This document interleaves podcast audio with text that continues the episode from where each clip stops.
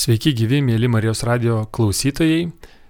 Prie mikrofono Rimas Macevičius ir laidoje kalbėsime apie sunkiai sergančių, su sunkiomis ir rimtomis diagnozėmis e, žmonių slaugą ir priežiūrą. Kokie tai yra iššūkiai, kaip tai paliečia tuos pačius žmonės, jų artimuosius, kokios klaidos daromos tiek nusiteikimo, tiek galbūt e, praktinės šios dienos laidos pašnekovė, slaugytoja, jau 20 metų dirbanti paliatyvios priežiūros e, specialistė Laima Baršauskinė, kuri taip pat ir lektoriauja šią temą, kalba viešai.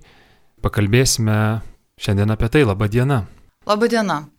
Kadangi mane jau pristatė, tai neturiu ko prie to pridurt, nebent dar galiu pasakyti, kad uh, domiuosi filosofija, religija, psichologija, tai kaip ir mano hobiai, taip pat uh, turiu rašymo hobį, mielai rašau įvairius smulkesnius, stambesnius gabaliukus, taip pat daugelį atvejų mirties, uh, sunkių gyvenimo periodų tema.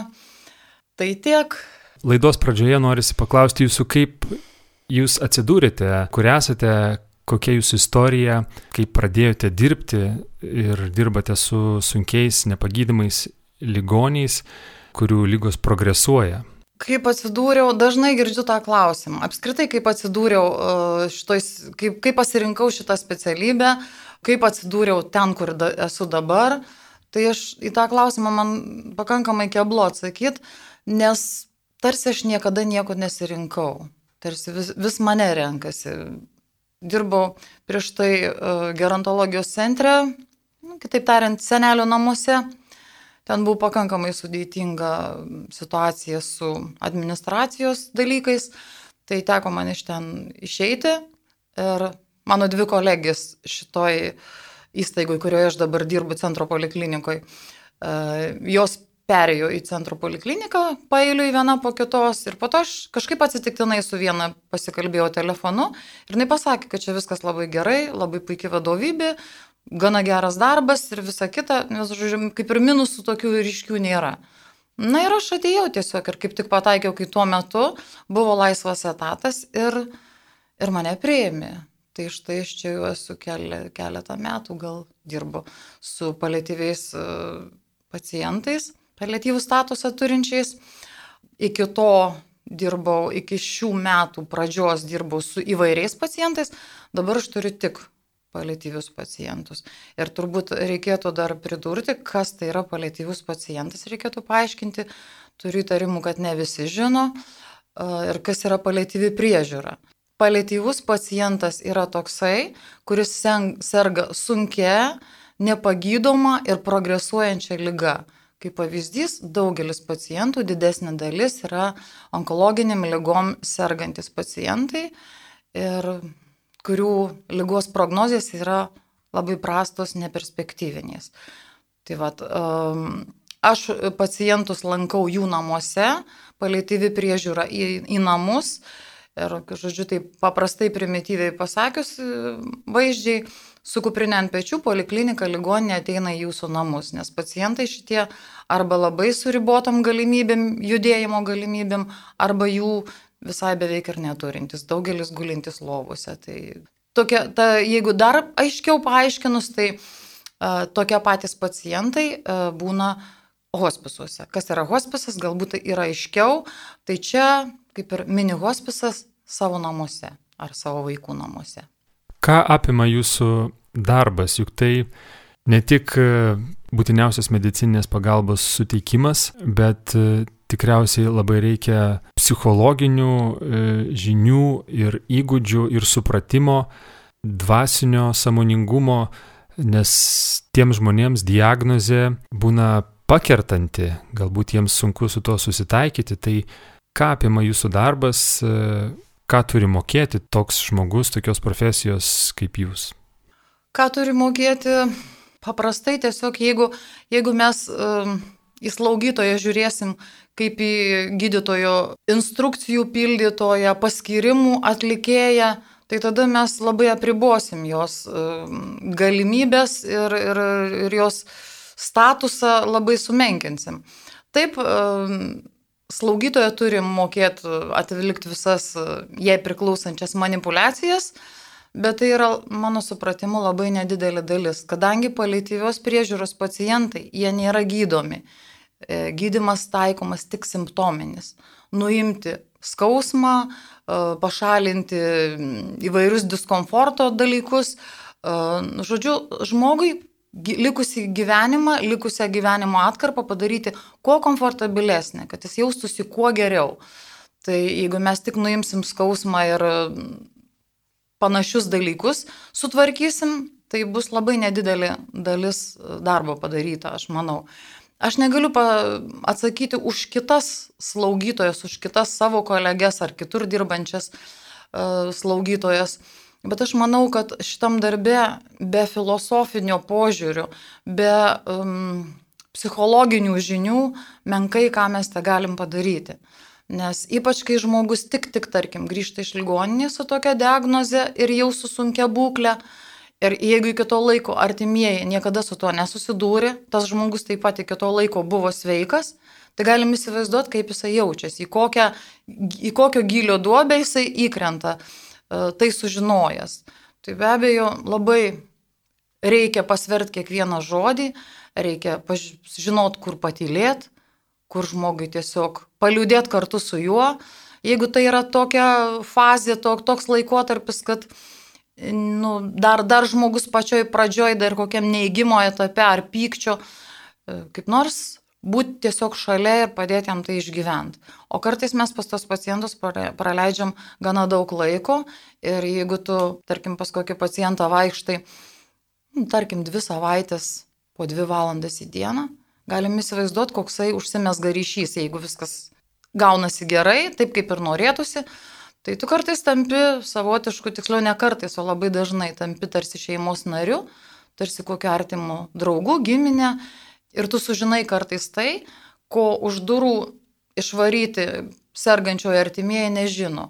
Apie jo kažkokius paklydimus, apie jo galų gale nesantokinius vaikus yra tekę tokių dalykų išgirsti. E, kažkodėl tai žmonės tavim linkia pasitikėti Nes, nu, galų gale mirtis, artėjanti mirtis žmogų apnuogina visom įmanomam prasmėm.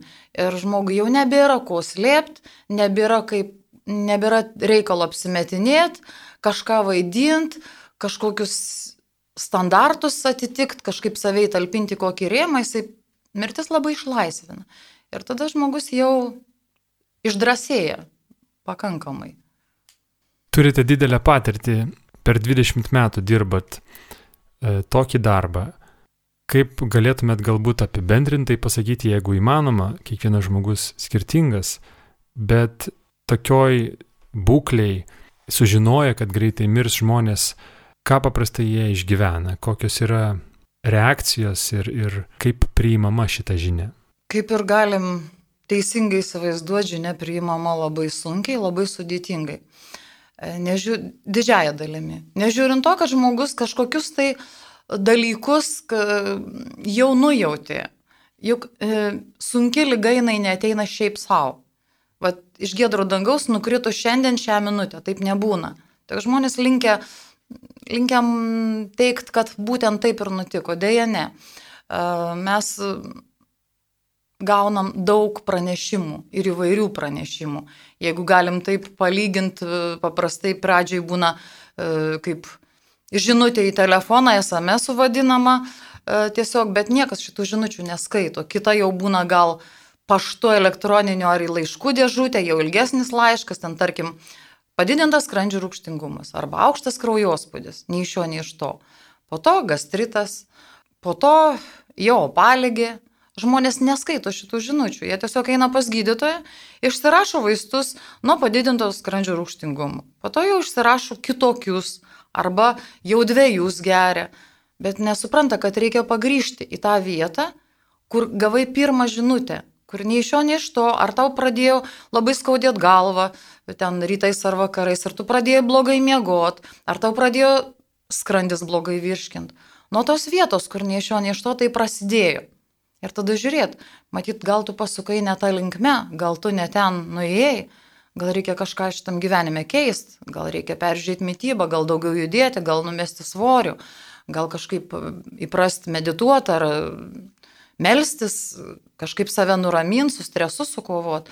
Tai žmonės iš tikrųjų, jeigu prisipažintų patys savo, tai labai didelė dalim žmonės patys prisiprašo lygos Tiesiog. Nes gyvena ne savo gyvenimą, o pildo sociumo primestas taisyklės, e, atliepia dabartiniam madom gyvenimo ir gyvena ne savo gyvenimo, o primesta ir vykdo ne savo tikslus, ne pagal savo svajonės gyvena, o pagal visuotinai madingas, populiarias, priimtas ir daug nemastydami tiesiog eina viena linija. Ir tas ėjimas ta viena linija, jeigu jinai yra neteisinga, duoda atitinkamus rezultatus. Žmogus, aišku, sužinojęs tokią diagnozę, jaučiasi labai baisiai, nes jisai supranta, kad gyvenimo liko jau ribotas laikas. Šiaip žmonės visi žino, absoliučiai visi, nuo mažo vaiko, e, žmonės žino, kad jie yra mirtingi, bet dėja tai suvokia nedaugelis. Tai suvokia medikai, tai suvokia labai labai jau seni žmonės, tai suvokia sunkiai sergantys, dėja jau pavėluotai. Ir tie žmonės, kurie uh, pabuvojo mirties naguose, bet iš jų kažkaip jam pavyko išsprūsti. Tai klinikinė mirtis, tai iš kurios žmogui kažkaip ištraukė, tai kokia labai sunkia avarija su labai rimtom pasiekmėm, Tai e, onkologija, kur dar stadija tokia, kur galima buvo išoperuoti vienaip kitaip įsikišus medikams pagydyti, tai tada žmogus atitoksta ir tada žmogus jau ne tik žino, kad jis yra mirtingas, bet ir suvokia. Visi kiti žmonės žino, kad jie yra mirtingi, bet nesuvokia. Ir jiems atrodo, kad mirtis jų laukia labai labai dar toli. Labai kažkur už daug, daug metų. Ir dar galima kaupti turtą, dirbti daug, nekreipti dėmesio į sveikatą, daug stengtis uždirbti pinigų, įgyti turtų, o pailsėsiu po to, o su sveikata tvarkysiuosi po to, o su stresu kovosiu vėliau.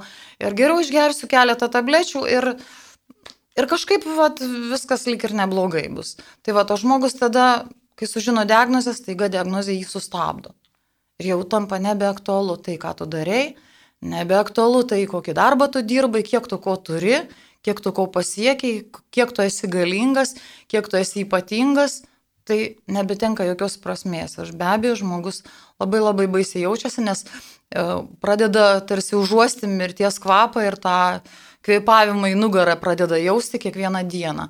Ir šitoje vietoje aš norėčiau pasakyti tai, kad Labai labai mums kiekvienam iš mūsų būtų gerai kiekvieną dieną bent po vieną kartą pagalvoti apie mirtį. Labai labai būtų sveika ir naudinga. Tai tada gal mes išvengtume daugelio lygų, išvengtume daugelio nelaimių, bėdų, problemų, nes labai sveika suvokti, kiek mums liko gyventi ir kad mes esam laikini, kad nereikia susireikšminti, kad viso to, ką mes stengiamės sukaupti, uždirbti, mes to nenusinešim į kapą ir kaip aš mėgstu sakyti, su e, trijų durų spinta pilna gučia ar armani mūsų po žemėm nepalaidos ir su tviskančių didžiulių visureigių per pusę kvartalo į krematoriumo krosnį mes neįvažiuosim. Mes išeisim iš šito žemės su vienu kostiumėliu ar viena suknutė ir vienais bateliais. Ir tų mums neprireiks. Tai taip, kad plėšytis labai stengtis kažko daug įgyti, bet kuri diena mums gali būti paskutinė. Tiesiog mes einam, užsižiopsoja per perėją, ypač jeigu telefone kažką tai, kažko ieškom, e, socialiniuose tinkluose tupim e, tuo metu, o kažkas lygiai taip pat telefone tupi važiuodamas per perėją. Ir tiesiog mūsų nepastebi. Šiandien mes esam, rytoj mūsų jau gali ir nebūti. Arba rytoj mes galim sužinoti diagnozę, kuri nulems visą mūsų likusį ir gana jau trumpą gyvenimą. Taip kad kiekvieną dieną reiktų pagalvoti, kad jeigu aš šiandien išėjau iš namų, tai nebūtinai, kad aš į tos namus sugrįšiu. Tai galbūt iš namų išeinant jokių būdų negalima išeiti apsižodžiaus, susipykus su artimaisiais, nes galiu neturėti galimybę susitaikyti, atsiprašyti, pasakyti, kad myliu, atleisti, nes tokios galimybės gali nebūti. Ta reiktų kiekvieną dieną atsiminti. Ypač prieš kažką nelabai gero darant, prieš supykstant, prieš, prieš norą, iššokus į norą pakerštaut, kažką apkalbėti pagėžingai, kažkam negero padaryti. Visada būtų verta atsiminti, kad aš esu labai laikinas ir man liko galbūt netaip ir daug. Nesvarbu, kad aš galvoju, kad liko daug. Gerbiami Marijos radio klausytojai, šioje laidoje svečiuojasi slaugytoja Laima Baršauskinė, dirbanti su paliatyvios priežiūros e, reikalaujančiais pacientais, taip pat e, lektorė kalbanti apie tai viešai. Pone Laima, norėčiau paklausti, kaip ir sakėte, kad išgirdę tokią diagnozę, kad lyga yra nepagydoma ir tik progresuos, e, žmonės jaučiasi baisiai. Dažnai galbūt pasakoma, kiek tokiam žmogui liko gyventi. Tada kaip jūs iš patirties matot, kaip tas laikas yra išnaudojamas. Ar tikslas žmonių būna išgyventi kuo daugiau, kaip yra kovojama su neviltingumu, kuris turbūt e, siūlosi kaip pirma mintis galbūt, iš kur semiamasi vilties. Žmogus sužinojęs e, tokią diagnozę, išgyvena paprastai, būtų gerai, jeigu išgyventų visus penkis netekties etapus. Jie yra panašus kaip uh, mirus artimam žmogui, uh, kaip e, praradus darbingumą, kažką praradus. Labai labai svarbaus mums. Tai netekties etapai yra penki. Daugmaž panašiai, panašiai išgyvena žmonės tuos, tuos, uh, tuos visus etapus, tik tai kažkiek, nu, išgyvena tuos penkis, bet, bet be abejo gali tai skirtis, nes žmonės yra skirtingi. Uh, liūdna tai, kad žmonės kažkuriame etape užstringa. Ir nenueina iki galo. Tai va, pirm, jeigu aš, aš pasistengsiu galbūt greitai tos etapus išvardinti, tada artimiesiems ir pačiam žmogui būna aiškiau ir paprasčiau. Ir, ir tada paprasčiau su to žmogum bendrauti, žinant, kad vat, greičiausiai jisai dabar tokiame etape, tai jo elgesys yra visiškai logiškas ir natūralus.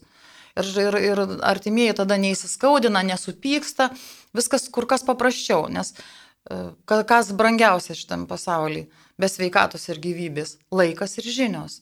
Tai vad, žinojimas daugeliu atveju labai padeda. Tai pirmas etapas yra, kai žmogus sužino, paprastai yra neigimas, savizolacija. Nors žmogus ir nujautė, jam jau, jau seniai ten kažkokie dalykai organizme dėjosi neaiškus, bet jis kažkaip vis atidėliojo, atidėliojo savo nelaimiai. Ir gydytojas jam pasakė, nu tarkim, jums plaučių vėžys. Ir žmogus, žodžiu, ne, negali būti daktarė, aš čia atėjau tik tai medicininės komisijos, ar čia vos ne kad pro šalį ėjau ir užėjau, ir va čia taip negali būti, čia ne mano diagnozija, čia, čia klaida, jūs apsirikot. Ir žmogus labai supyksta ant to daktaro, eina savo namo ir stengiasi izoliuotis nuo visų šaltinių, kurie galėtų patvirtinti, kad diagnozija yra jo. Nes tai yra taip baisu, kad bevelėje žmogus tai neigt. Vienam tai trunka ilgiau, kitam trumpiau, kitam gal visai trumpai. Antras etapas yra pykčio etapas.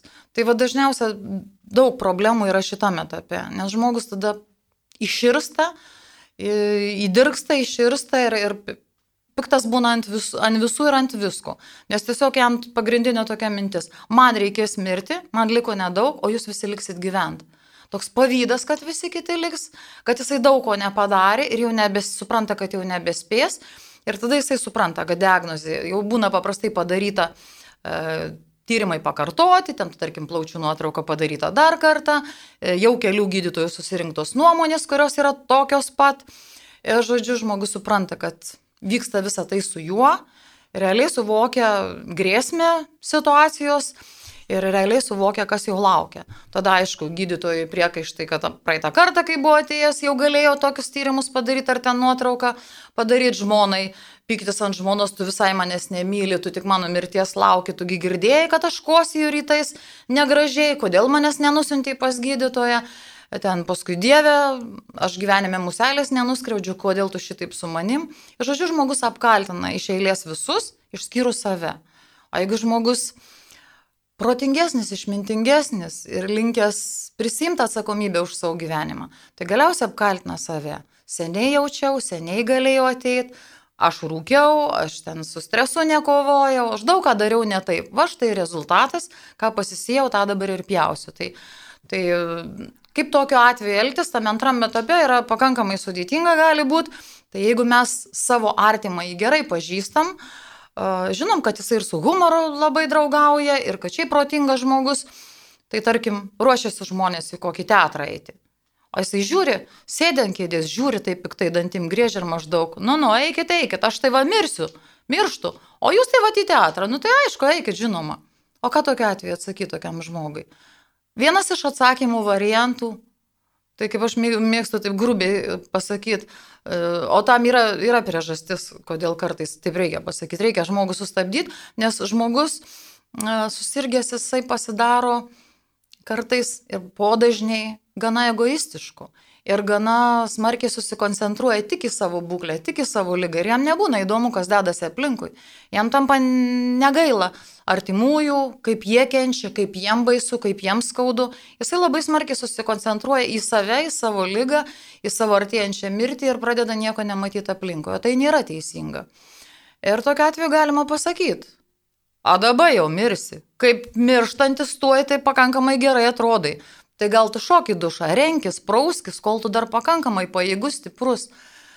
Poškis, ruoškis, einam kartu. Einam kartu rytoj į parką pasivaikščiot, poryt einam į koncertą. Žodžiu, gali žmogus per likusi jam laiką nugyventi visą savo gyvenimą. Tokiu atveju aš žinau, kai žmogus 50 metų negyveno, o šalia gyvenimo dirbo kažką veikė, o gyvenimui leido tekėti pro šalį ir per jam likusius penkis metus taip laimingai viskas susiklosti, kad jis labai daug ko pamatė, sužinojo, aplankė, patyrė. Taip kad galima per metus kitus labai daug suspėti. Tik tai reikia pasistengti ir paskubėti. Tai vad, antrą etapą, kai žmogus išgyvena tą antrą etapą, antrame etape beje, dar žmonės prirašo daug skundų ant medikų, pradeda bilinėtis, tai labai bėda, laikas teka, o jis tą laiką švaisto tiesiog. Ir vietoj to, kad užsimti rimtesniais dalykais, jisai tiesiog nebrangina to likusio laiko. Trečias etapas yra dėrybų etapas. Čia raktiniai sakiniai yra, daktarė, kažką padaryti juk dar galima, darykit ką nors. Mes viską apmokėsim, jeigu turtingas, tai aš viską galiu nupirkti, jūs tik darykit kažką. Jeigu neturtingas, mes pasimsim paskolą, mes giminė pečių suremsim, susimesim, mes kažkaip visus finansinius dalykus mes padengsim, jūs tik darykit ką nors, kažką juk padaryti galima ten e, medikamentai patys naujausi, taigi dabar technologijų amžius, gal kažkokį konsultantą iš užsienio reikia pakviesti galima, gal mus kažkur nutransportuokit, mes, mes viskam pasiruošę, tik jūs darykit ką nors. Ir kai daktaras kiestelė rankomis, belieka ką? Kreiptis į Dievą, į likimą ir tiesiog paprašyti Dievę, nors iki kalėdų, nors iki kol e, anukėlė gims, nors iki kol dukra mokyklą baigs Nors, nors, tai vad žmonės tada Dievo prašo, kad nors kiek prailgintų tą laiką. Ir su prailginimu yra taip. Yra atseit, yra tokie tyrimai daryti, ar tikrai jie daryti aš negaliu pasakyti, nes tik tai pati to neskaičiau, tik tai girdėjau. E, ir man taip atrodo beje, kad žmogus, kuris turi kažkokių tikslų, turi kažkokių augintinių, turi kažkokių rūpeščių, su kuriais jisai turi susitvarkyti, jis paprastai gyvena ilgiau. Ir tas žmogus, kuris nori būtinai pamatyti tą anukėlę ar tą uh, dukrą užaugusią, kažkaip prasitęsia tas laikas ir tarsi žmogus sugeba atidėti savo mirtį. Tai vat, o yra kita uh, grupė žmonių, kurie tiesiog, tai perkeltinė prasme kalbant, jie sėdi prie lango ir dairosi, ar nepasirodys ta moteris su juodo apsaustu, juodo gobtuvu ir dalgelė ant pėties. Vietoj to, kad kažką daryti, jie tiesiog laukia mirties. Kitam kambarį vos ne taip pat žvilgčioja per langą jo artimieji ir visi sutartinai laukia mirties. O kadangi mirtis šituose namuose yra labai laukiama, jinai pasiskubina, ką čia žmonės vargint. O kada žmogus turi daug kažkokių reikalų, darbų, planų, pavyzdžiui, pabaigti parašyti knygą, ar kažkokį muzikos kūrinį. Nu, nutapyti keletą paveikslų, padovanot visiems artimiesiam, kad, kad jie jį prisimintų, juk norisi, kad prisimintų.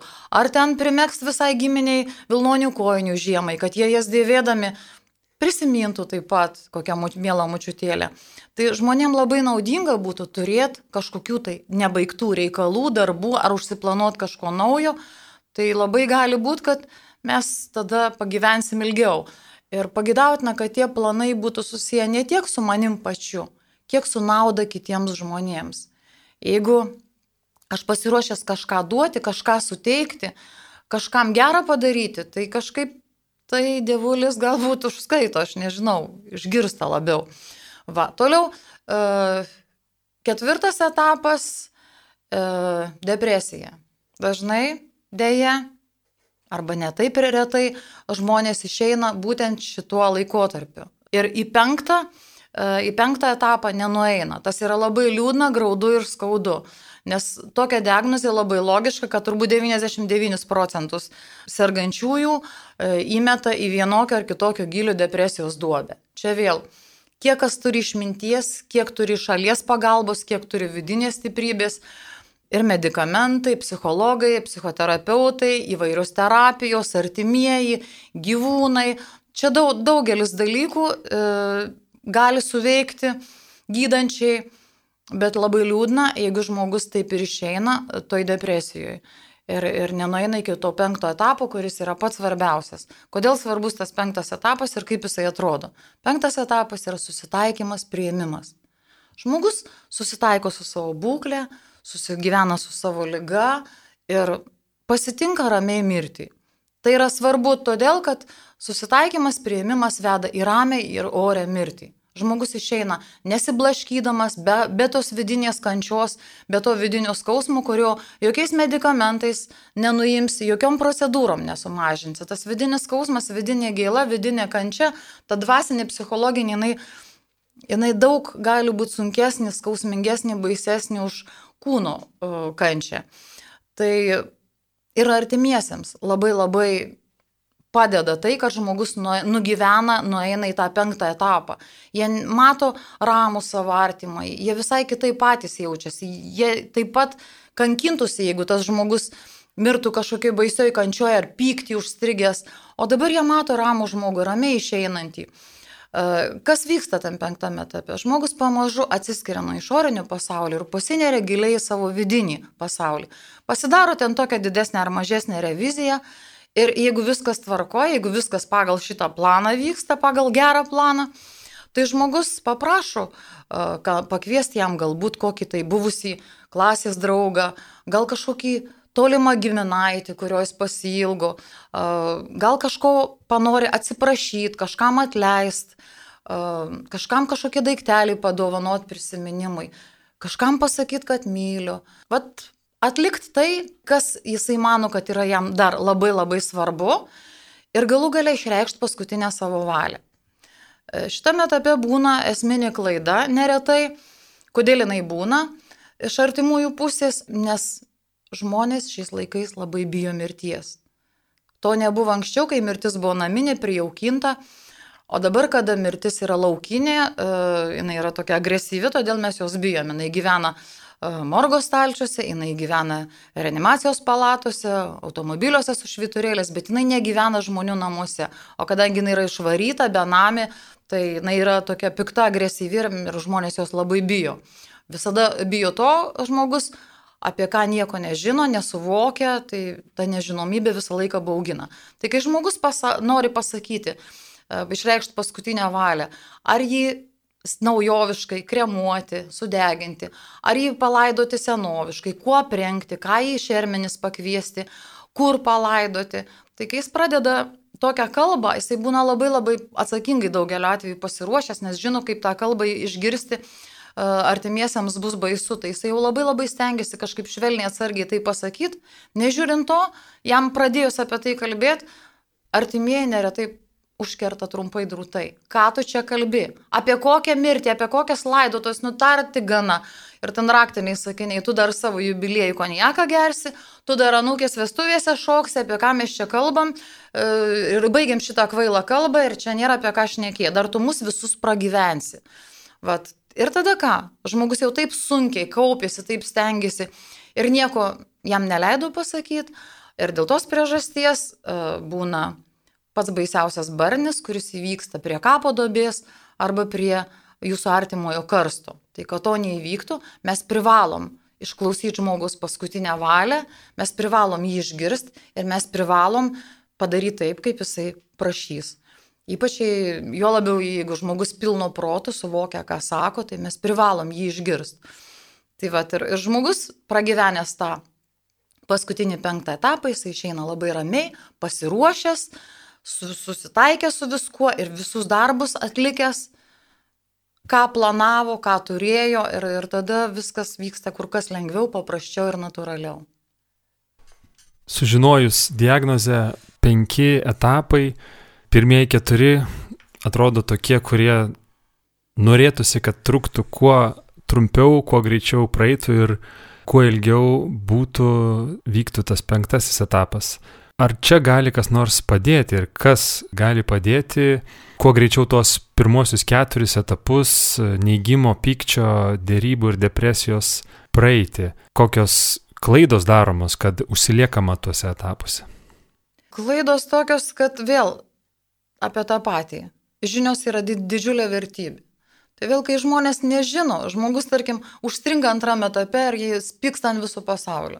Ir jisai murkdosi tam pyktį, psichologai pasakytų, ruminuoja, e, mintį suka ratu tas pačias mintis ir pats save nuodija ir nuodija savo aplinką ir tada visiems labai sudėtinga. Tai tada, jeigu mes žinom, kad taip yra, tai galim tiesiog su žmogum pakalbėti. Jeigu mes esam jam svarbus, jeigu mes esam autoritetai, tai, tai mes tą darykim. O jeigu mes nesam labai dideli autoritetai, tai galbūt reiktų pakviesti dvasininką, jeigu tai giliai tikinti žmogus. Jeigu uh, filosofiškai gyvenimą žiūrintis, galbūt reiktų psichoterapeutą, psichologą pakviesti. Uh, galbūt kažkokį draugą, kuris jam yra labai svarbus ir kurio nuomonė yra labai svarbi ir kurios jisai būtų linkęs paisyt. Kad kažkas žmogui padėtų susivokti daugeliu atveju tai suveikia. Jeigu žmogus skaitantis, tai yra labai daug knygų, kurios gali padėti, tiesiog reikia jas susirasti. Yra pakankamai daug literatūros šią temą. Reiktų susirasti raktus šitai spinai atrakinti. Jeigu depresija, tai vėl tas pats. Sielovadininkai, psichoterapeutai, šiaip artimieji, gyvūnai kartais labai gerai veikia, anūkai, nu, reikėtų atsigręžti, pasižiūrėti, ką žmogus mėgo, kas jam labai patiko. Aš turėjau šviesaus atminimo pacientę, kuri labai gražiai tapė ir darė iš tokių smulkių stiklinių karoliukų paveikslus. Visą jai likusį laiką jinai labai skubėjo, kad tų paveikslų kuo daugiau nutapytų ir kuo daugiau ten suklyjais karoliukus klyjuoja ir kuo daugiau suklyjuotų padarytų tų paveikslų. Jinai tokį didžiulį malonumą ir džiaugsmą tame rado, kad aš jai sakau, vad kaip jūs stiprybės tiek turit, kad vos nuo lovos iki virtuvės nueinat. Jinai sako, Kai man būna blogai, aš tiesiog susiriečiu į kamoliuką, guliu, laukiu, kol pagerės, kol ten vaistai suveiks, tarkim, nuo, nuo skausmų. Ir aš laukiu tos minutės, kad aš vėl galėsiu sėsti ar prie Molberto, ar ten prie to lapo, ant kurio visą tai lipina dėlioja. Ir žmogus tiesiog jai labai labai padėjo šitą terapiją. Yra terapijų labai daug - spalvų terapija, kvapų terapija, muzikos terapija. Jeigu žmogus dar pakankamai transportabilus ar e, neįgaliojo vežimėlėje, ar galbūt dar su lasdėlė einantis, kas žodžiu, iki mašinos ir po to, kad ir toj pačioje ar filharmonijoje, ar teatre e, su kažkokiu lydinčiu asmeniu, daugelis jų gali dar pakankamai gerai pasėdėti e, minkštoji teatro ar operos ar baleto teatro kėdėjai ir pažiūrėti kokį pasirodymą. Tai tiesiog žiūrim, kas žmogui buvo svarbu, kokie žmonės buvo svarbus, kurių e, žmonių nuomonių jisai linkęs buvo paisyti.